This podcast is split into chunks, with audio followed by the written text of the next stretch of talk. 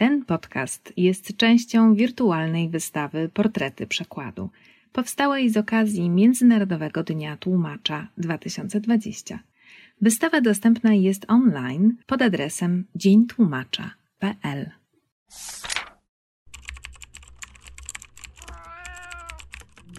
Na przykład podcast Stowarzyszenia Tłumaczy Literatury.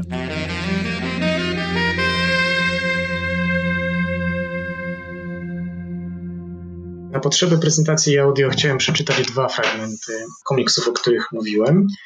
Pierwszym z nich oczywiście w tej kolejności będzie Angola Żanga. Myślę, że dobrym sposobem na zachęcenie, na pokazanie, o czym jest ten komiks, będzie przeczytanie wstępu, który sam autor do niego napisał. Jest to wprowadzenie zatytułowane Mukambu i Jężeniu, czyli dwa słowa, jedno z nich oznaczające osadę tworzącą Angolę Żangę, Natomiast Enżeniu było różnie tłumaczone do tej pory mm, w literaturze polskiej. Tutaj chodzi o młyn cukrowy w zasadzie, czy też o całą infrastrukturę, która służyła przetwarzaniu trzciny cukrowej, którą zbierali niewolnicy. Więc tak, ten fragment wstępu Marcelo de Salety zaprezentuje nam troszeczkę lepiej Goleżangę.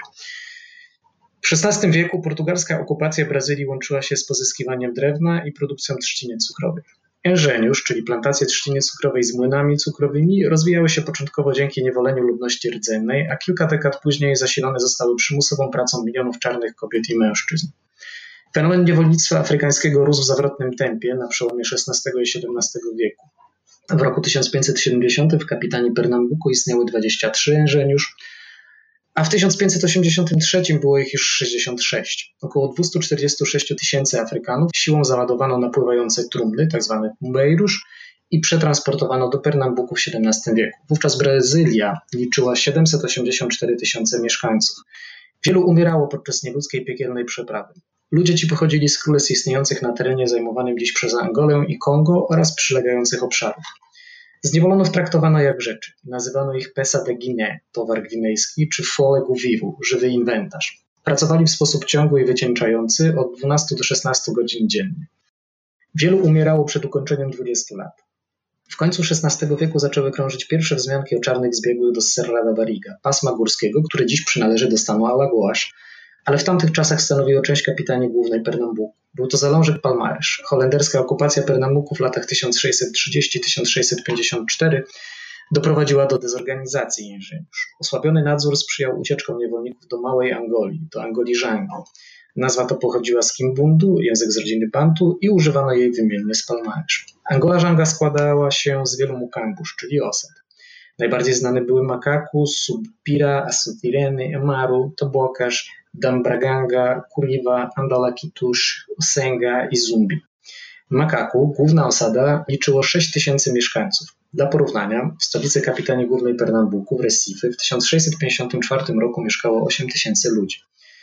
Łącznie w terenie górskim rozsianych było 20 tysięcy członków wspólnoty Palmarysz. Palmarisz też uprawiali kukurydzę, maniok, fasolę, bataty, trzcinę cukrową oraz hodowali ptactwo i trzodę chlewną. Władze kolonialne zorganizowały wiele ekspedycji karnych przeciwko Mukambusz w Serra da Barriga. U Terço dos regiment czarnych żołnierzy brał udział w bitwach przeciw Holendrom, a także w wyprawach przeciw Mukambusz Palmarysz. Następnie w konflikt zaangażowali się jeszcze bandeiranty z São Paulo. Poza bezpośrednimi starciami próbowano również paktować. Jedna z takich inicjatyw została przyjęta przez przywódcę Palmarysz, Ganga Zumbę, ale odrzucona przez grupę dowodzoną przez Zumbiego. W końcówce XVII wieku Ganga Zumba i Zumbi byli największymi z przywódców Palmarysz. Opowiedziana tutaj historia ukazuje część z tego, co wydarzyło się w ostatnich latach istnienia największego mukambu w naszej historii. I faktycznie tak jest. To, co Marcelu pokazał tutaj, tak jak już mówiłem, ukazuje nam Angolę Żangę, całą jej historię, jako historię ludzi, którzy marzyli o wolności, i którzy mimo tego, że próbowali stworzyć sobie takie swoje miejsce, swoją przestrzeń, w której nie mieliby tych samych problemów, które mieli jako osoby zniewolone, to jednak wewnętrznie nie była to jednorodna grupa. Ci niewolnicy, którzy uciekali z plantacji, e, no siłą rzeczy pochodzili mniej więcej z tego samego terenu, z wybrzeża afrykańskiego, ale z różnych plemion i nie było dziwne to, że dochodziło do pewnych tarć, że ta wizja rozwoju Palmary, Shangoli, Żangi była u nich trochę inna. Marcelo de Salety w tym komiksie pokazał w sposób naprawdę bardzo żywy i bardzo dynamiczny całą tą sytuację, jak ona się rozwijała i w sposób bardzo ludzki przedstawił problemy zachowania i codziennie życie tych niewolników oraz ich kontakty z walczącymi z nimi żołnierzami korony portugalskiej wówczas. Natomiast to, co jest ciekawe i co było widać w tym fragmencie, który przeczytałem we wstępie, to są również te wszystkie terminy, które brzmią dla nas egzotycznie. W tłumaczeniu od razu wiedziałem, że bardzo dużo tych terminów po prostu zostanie w wersji oryginalnej, że nie będziemy próbowali szukać ich odpowiedników. Chodziło troszeczkę o to, żeby przybliżyć takie egzotyczne terminy, egzotyczną troszeczkę z punktu naszego widzenia kulturę i pozostawić te słowa w wersji oryginalnej, ale też dlatego, że wiele z nich nie miałoby dobrego odpowiednika. Pomocą dla czytelnika, żeby w tym wszystkim zorientować się, będzie glosariusz, który znajduje się na końcu. Ja przeglądając recenzję komiksu Angola Żanga spotkałem się dwa albo trzy razy z e, opinią czytelnika, że bardzo dużo tu jest słownictwa, którego się nie zna i często trzeba sobie zaglądać, sprawdzać, co to wszystko znaczy, ale myślę, że ten komiks ma oprócz być jakąś rozrywką, tak, opowiadać historię bardzo ciekawą z punktu widzenia fabularnego, ale także ma nas czegoś uczyć. Również komiks Imaginarium Zbiorowe jest komiksem, który ma nas czego uczyć. Przypomnę przypowieść o sile woli i o wolności. Opowieść szalona, jeśli chodzi o sposób obrazowania i opowiedzenia perypetii krowy, która chciała być ptakiem i robiła wszystko, żeby tym ptakiem zostać. A do czego to doprowadziło, tego dowiecie się z samego komiksu.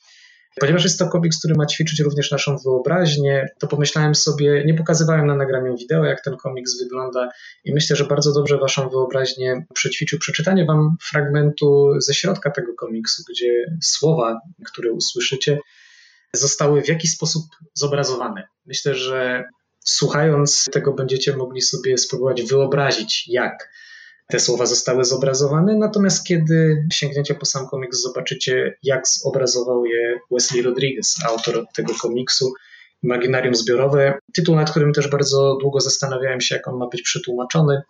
Miałem pomysły tutaj, żeby było to jak najbardziej literalnie. W oryginale to jest Imaginarium Coletivo, żeby zrobić z tego imaginarium kolektywne, czy też kolektywne imaginarium. Potem pomyślałem, że to imaginarium jest takim dziwnym słowem, może by je wyrzucić, że kolektywny też być może jakoś troszeczkę źle się będzie kojarzył. Potem pojawił się jeszcze pomysł na taki tytuł trochę racjonalizujący, czyli żeby zrobić z tego nieświadomość zbiorową, co byłoby w zgodzie z charakterem bo takim jungowskim tego, co czytamy sobie w komiksie, ale potem pomyślałem, że czasami chyba za dużo kombinujemy przy tłumaczeniu tytułu. Być może przetłumaczenie literalne jest dużo lepsze, dlatego że sam czytelnik usiądzie do tego komiksu i pomyśli, jaki jest związek tytułu z zawartością.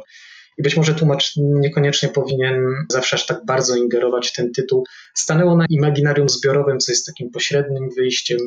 W materiale wideo mówiłem o tym, że praca nad tłumaczeniem komiksu jest pracą zespołową i tutaj Bartek Rabiej, który jest przedstawicielem, jest wydawnictwem Mandioka, bardzo prężnie działa w mediach społecznościowych i chyba na Facebooku poddał pod dyskusję kilka pomysłów na tytuł. Tam się kilka rzeczy pojawiło bardzo ciekawych, ale ostatecznie z pomocą czytelników, którzy też są zespołem, który w pewnym sensie stworzył ten ostateczny tytuł, stanęło na imaginarium zbiorowym. Więc teraz przejdę do przeczytania krótkiego fragmentu, a wy będziecie mogli sobie wyobrazić, jak to wygląda, a potem, jeśli zachęci was to, co słyszycie, to zerknąć, jak to wyglądało w samym komiksie. Agripinu i krowa dryfowali w kosmosie, gdzie byli ledwie maleńkim punkcikiem w bezkresnym wszechświecie. Lecz nadal trzeba było wyjaśnić pewne sekrety.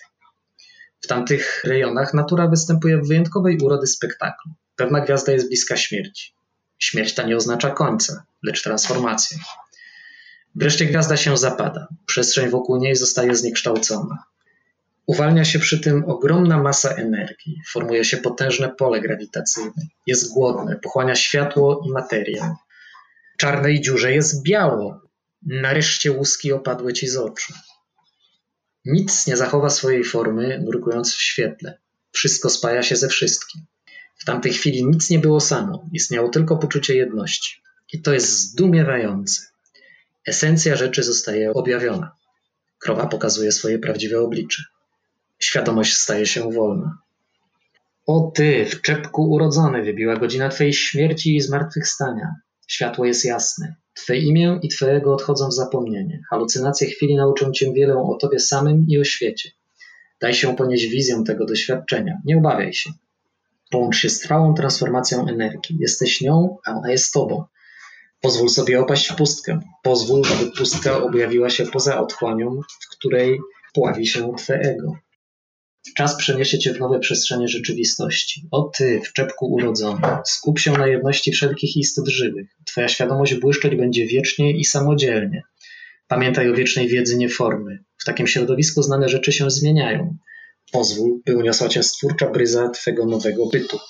Pamiętaj, pozostań w stanie czystego stworzenia. Uwolnij się od słabości swego dawnego bytu. Wykorzystaj ten rzadki moment, kiedy umysł oddziela się od ciała. Staniesz twarzą w twarz ze swoją prawdziwą naturą. Nie pozwól ponieść się projekcję. No i tak moglibyśmy jeszcze troszeczkę kontynuować sobie tutaj czytanie, ale tak naprawdę to ostatnie zdanie, nie pozwól ponieść się projekcją, może przeróbmy w taki sposób kończyć to nagranie. Dajcie się ponieść waszej wyobraźni, starając się dojść do tego, co tak naprawdę zostało tym tekstem zobrazowane. Powodzenia! Wysłuchali Państwo na przykład podcastu Stowarzyszenia Tłumaczy Literatury.